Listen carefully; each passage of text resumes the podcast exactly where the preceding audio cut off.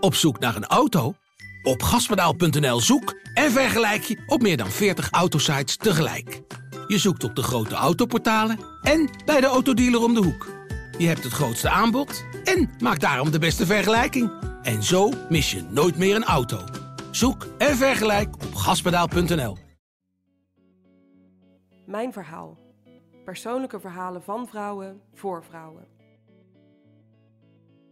Ingeborg verloor op jonge leeftijd haar broer door zinloos geweld. Hij werd tijdens een ruzie met een houten paal op zijn hoofd geslagen en belandde op de IC. Dan zie je je broer liggen aan de beademing, aan hersenapparatuur. En uh, ja, dat is verschrikkelijk. De klap werd hem uiteindelijk fataal. En de dader, die leeft een normaal leven. Heb jij het je kinderen wel verteld? Weten zij het? Of jouw vrouw? Of is het een geheim wat je voor altijd meedraagt? Vragen die Ingeborg de rest van haar leven bezighouden. Hoe geef je zo'n gruwelijk verlies uiteindelijk toch een plek? Welkom bij Mijn Verhaal, een podcast van Margriet. Ik ben Marijke Kolk en dit is het verhaal van Ingeborg. Zou je om te beginnen de eerste alinea willen voorlezen van een brief die jij aan de dader hebt geschreven? Ja, brief aan de dader. De kans is heel klein dat jij deze brief gaat lezen, maar ik schrijf hem toch. Misschien komt hij nog bij jou terecht. Vandaag, 28 jaar geleden, stierf mijn broer omdat jij, toen 20 jaar, hem tijdens de kermis met een harde houten paal op zijn hoofd sloeg. Vlak daarvoor sloeg je zijn zwager op zijn hoofd. Die belandde ook in het ziekenhuis, maar overleefde gelukkig de klap. Je bent nog dreigend achter zijn vriendin en zijn compagnon aangerend. Toen het te heet onder je voeten werd, ben je gevlucht. De volgende dag werd je gearresteerd op een schoolbarbecue. Hoe haalde je het in je hoofd om naar een barbecue te gaan na zoveel ellende veroorzaakt te hebben? Deze brief heb je kort geleden geschreven. Ja. Waarom heb je die nu geschreven? Elk jaar plaats ik een kort berichtje of een artikeltje uit die tijd. En nu werd ik wakker, uh, s ochtends vroeg op maandagochtend, uh, en dacht van, ja, het zit me gewoon nog niet lekker. Uh, ik ben nog steeds eigenlijk boos, pissig. En die jongen leeft gewoon door. Uh, met een gezin en, uh, en, en gewoon werk. En ik denk, ja, ik zou toch willen dat hij stiekem het onder ogen krijgt. Ik heb het op Facebook geplaatst. Daar heb ik een aantal reacties van natuurlijk vrienden en bekenden op gekregen. Uiteindelijk is het in de krant gekomen, het Noord-Hollands Dagblad, maar in alle edities. En ook in de omgeving waar hij woont. En ook in de omgeving van mensen die hem kennen. Uh, en verder heb ik het ook op LinkedIn geplaatst. En 5100 mensen hebben het gelezen. Misschien zit hij ertussen. We hebben het geweld uh, in Mallorca ja. net gehad. Kwam het daardoor bij jou ook extra weer naar boven? Ja, absoluut. Dat is altijd zo. Elke dag hoor je zaken over zinloos geweld. Uh, van de week stond er ook weer op de NOS-app over uh, Joes Kloppenburg, dat het 25 jaar geleden was. Dat is drie jaar na het overlijden van mijn broer gebeurd. En die mensen hebben toen de media opgezocht en dat doen ze nog steeds. En dat hebben wij niet gedaan. Kun je vertellen wat er precies met jouw broer is gebeurd toen? Nou, het is uh, 28 jaar geleden en hier in West-Friesland zijn de kermissen heel populair. als je echt hier verwant bent met deze omgeving, dan ga je alle kermissen af. En zo had je ook de kermis in het dorp waar wij woonden. En daar is mijn broer uh, natuurlijk naartoe gegaan. Nou, vooraf ga je een kermisborreltje met een hele grote groep mensen. En uh, daarna naar de kermis zelf. Nou, op die avond was er een, een, een, jongen die een meisje ontmoette. En zij hebben samen de hele avond doorgebracht. En gingen uiteindelijk zwemmen. En dat meisje ging met haar scooter naar het zwembad toe. En ging heel irritant door een groep wandelaars. En dat was de groep van mijn broer onder andere. Uh, ze, was ook al door een andere groep heen gereden, heel irritant met het scootertje. Uiteindelijk is ze dus aangehouden door een paar mensen uit die groep en is mijn broer achter op de scooter gaan zitten. Toen was die jongen die dat meisje ontmoet had, was gaan plassen. Hij heeft een houten paal uit de bosjes gerukt en is eerst naar de zwager van mijn broer toegegaan, heeft hem neergeslagen en vrijwel direct daarna mijn broer. En mijn broer kreeg de fatale klap en de zwager van mijn broer had een zware hersenschudding. Dus gelukkig mocht hij uh, na één nacht weer naar huis uh, uit het ziekenhuis. Wanneer hoorde jij dit, dat dat was gebeurd? Ik hoorde het 's ochtends. Het is zaterdag op zondag gebeurd. En zondagochtend rond kwart over zes, half zeven belde mijn moeder. En eh, met het bericht van, eh, ja, Marcel eh, ligt in het ziekenhuis. eh, en hij is naar Leiden vervoerd. Dus als jullie naar Leiden toe kunnen komen nu, dan, dan zou het heel fijn zijn. En vertelde ze ook meteen wat er was gebeurd. Nee, want dat wist ze zelf ook nog niet exact. Dus hij is eerst in Horen in het ziekenhuis opgenomen. Maar toen bleek hij te zwaar hersenletsel te hebben. En toen is hij meteen per ambulance naar eh, Leiden vervoerd, omdat ze daar gespecialiseerd waren in, eh, in eh, hersenchirurgie. En toen ben je daar naartoe gegaan met je moeder samen.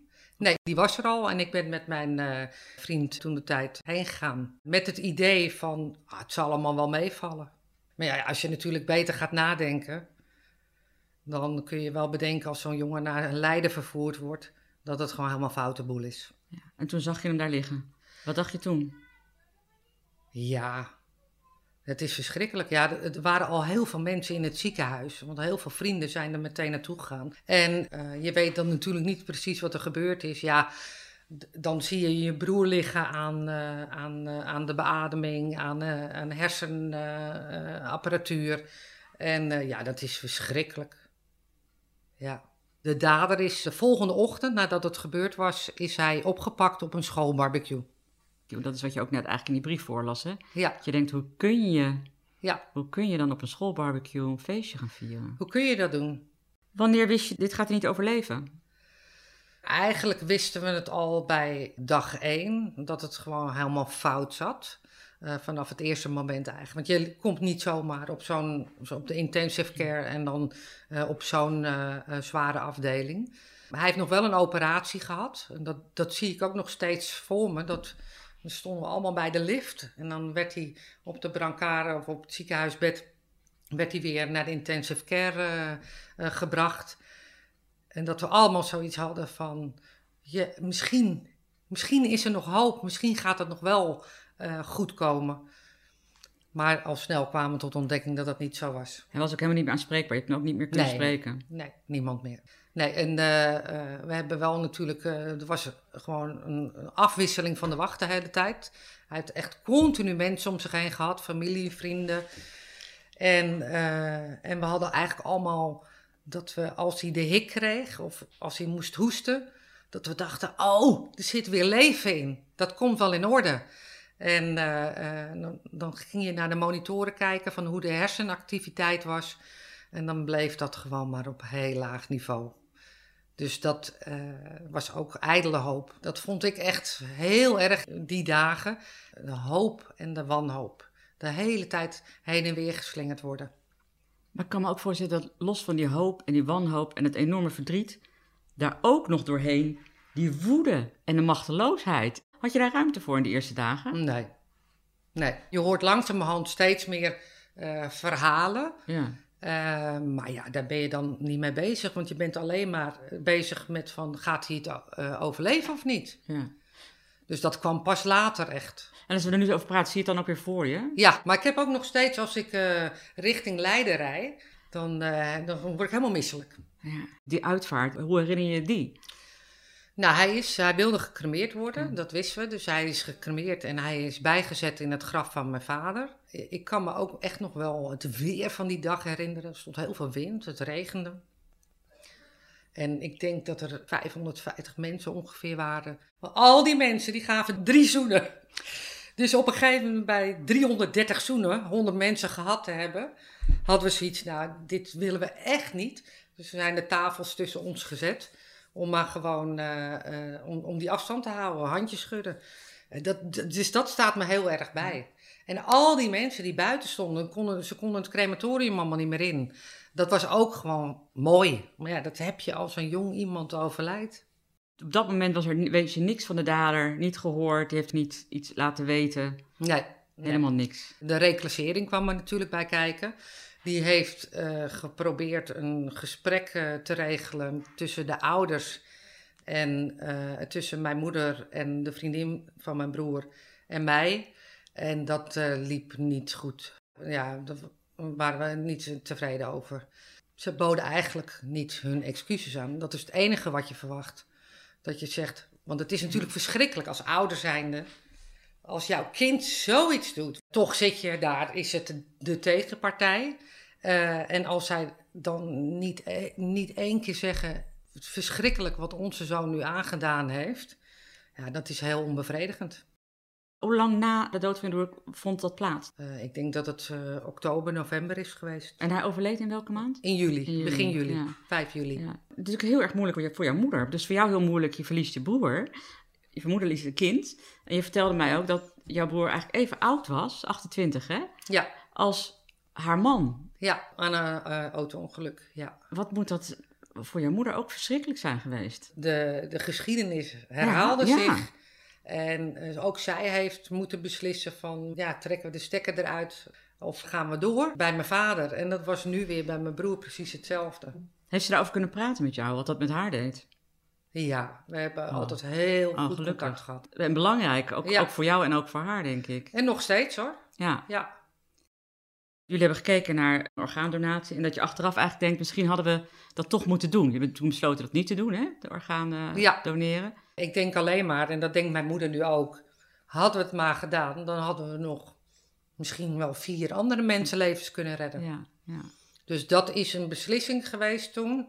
Uh, dat zijn ad hoc beslissingen. Je moet het opeens beslissen en klaar is Kees. En uh, met iedereen rekening houden. Met je schoonzus, uh, met je moeder, zij weer met mij. Ja.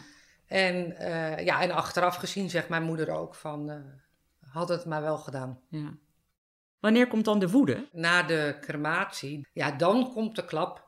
Want uh, we werden overal bij betrokken. Ik heb hier een map liggen met alle getuigenverklaringen, alle politieverklaringen uh, van de officier van justitie. Dat is heel veel wat er gebeurt. Getuigenverklaringen die eerst zo gebracht worden en dan later elke keer bijgesteld worden.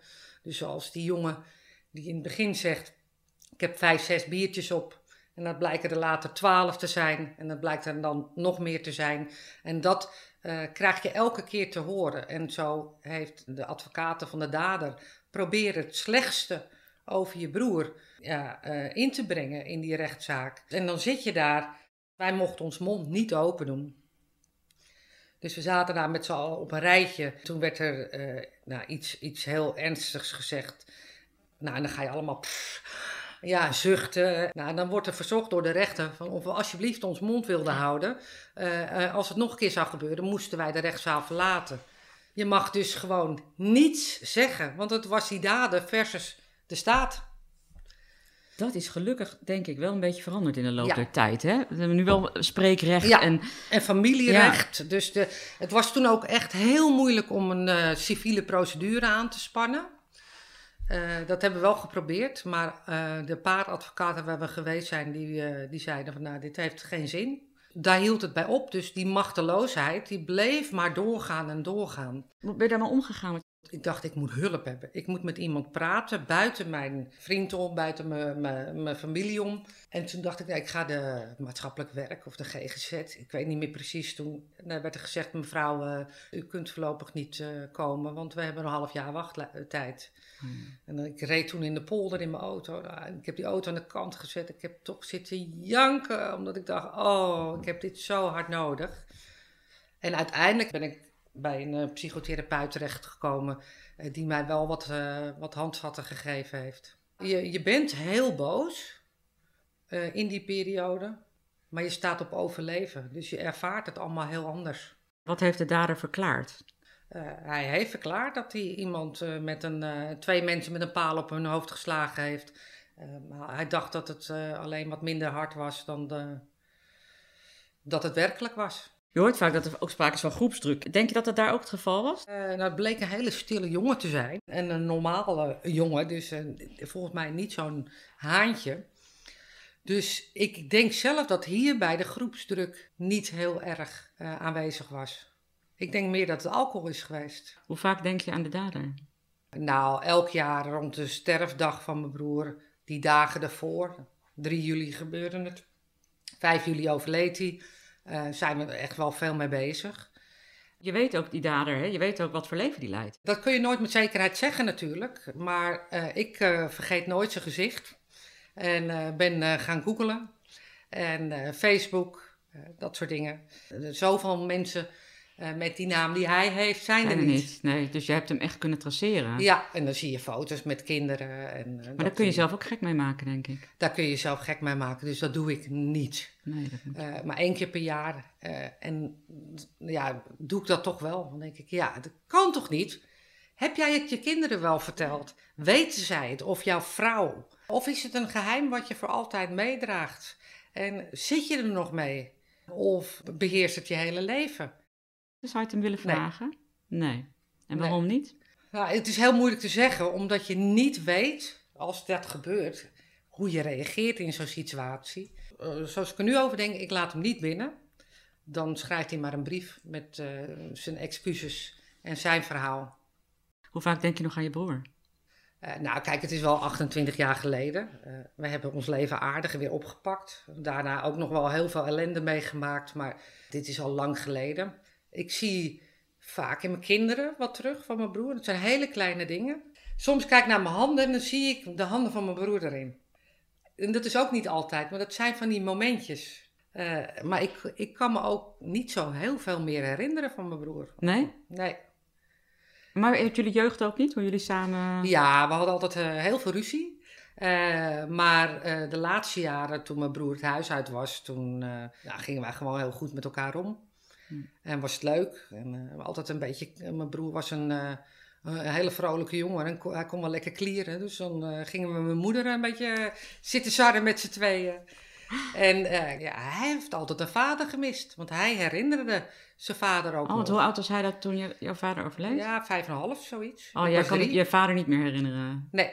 Jouw kinderen komen nu ook een beetje in die leeftijd. Weten zij ervan? Ze weten er heel veel van, want we zitten ook elk jaar op de sterfdag met z'n allen bij Ja, elkaar. Dan ja. gaan we samen eten en dan Ja. is het niet eh, alleen maar treurnis, het Nee. is eh, gewoon ook gezelligheid. Maar door de brief die ik geschreven heb, dat hebben ze gelezen. Dat er dan toch nog wel diep zit. Ja, dus ze zijn be- betrokken bij jouw verdriet en bij jouw gevoel. Maar ik kan me ook voorstellen dat ze misschien soms gewoon heel nieuwsgierig zijn naar wie hun oom was. Ja, En daar kun je dan wel over praten of laat je dan foto's Ja, zien. Of... Oh, en vooral als wij leuke verhalen vertellen over mijn broer, leuke anekdotes, dan vinden ze dat heerlijk om te horen. Wat is een mooie herinnering die je hebt aan hem?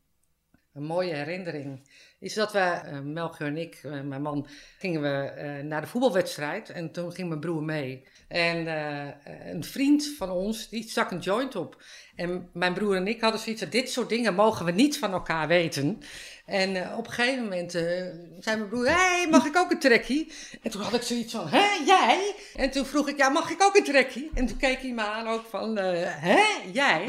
En toen hadden we meteen weer meer band. Oh ja, ja, ja, ja, ja. ja. Niet tegen mama vertellen, ja, ja, ja, zo was het. Een bondje, een geheime... Ja. ja. een bondje hadden we. Ja. Hoe heeft de dood van jouw broer jouw leven verder bepaald? Ik was 24, 24, 25 en opeens is, is al je onbevangenheid is weg. Ja. En daar ben ik nog steeds boos om. En dat hoop ik bijvoorbeeld dat mijn kinderen, die eh, de oudste is in dezelfde leeftijd, dat ze dat wel voorlopig houden. Eh, want ja, je, het, je, het kind zijn eh, is weg. Ja, zij heeft niet alleen jouw broer van je afgenomen, maar ook jouw een stuk van je eigen jeugd Ja, eigenlijk. Ja, en het is, eh, kijk, maar de band tussen mij en mijn moeder is heel sterk. En eh, eh, we, we steunen elkaar voor dik en dun, door dik en dun. Maar ik heb wel keuzes in gemaakt die wel altijd, ja, waarin ik rekening houd met mijn moeder. Dus we, zijn, we wonen in Amsterdam. We zijn toen weer in het dorp gaan wonen waar mijn moeder woonde. En dat was voornamelijk voor haar. Eh, en uiteindelijk zijn we hier nu naar Horen verhuisd. En is mijn moeder ook naar Horen verhuisd. Eh, en dat is wel haar eigen keus geweest ook. Eh, maar je, bent, je blijft altijd rekening houden. Ja.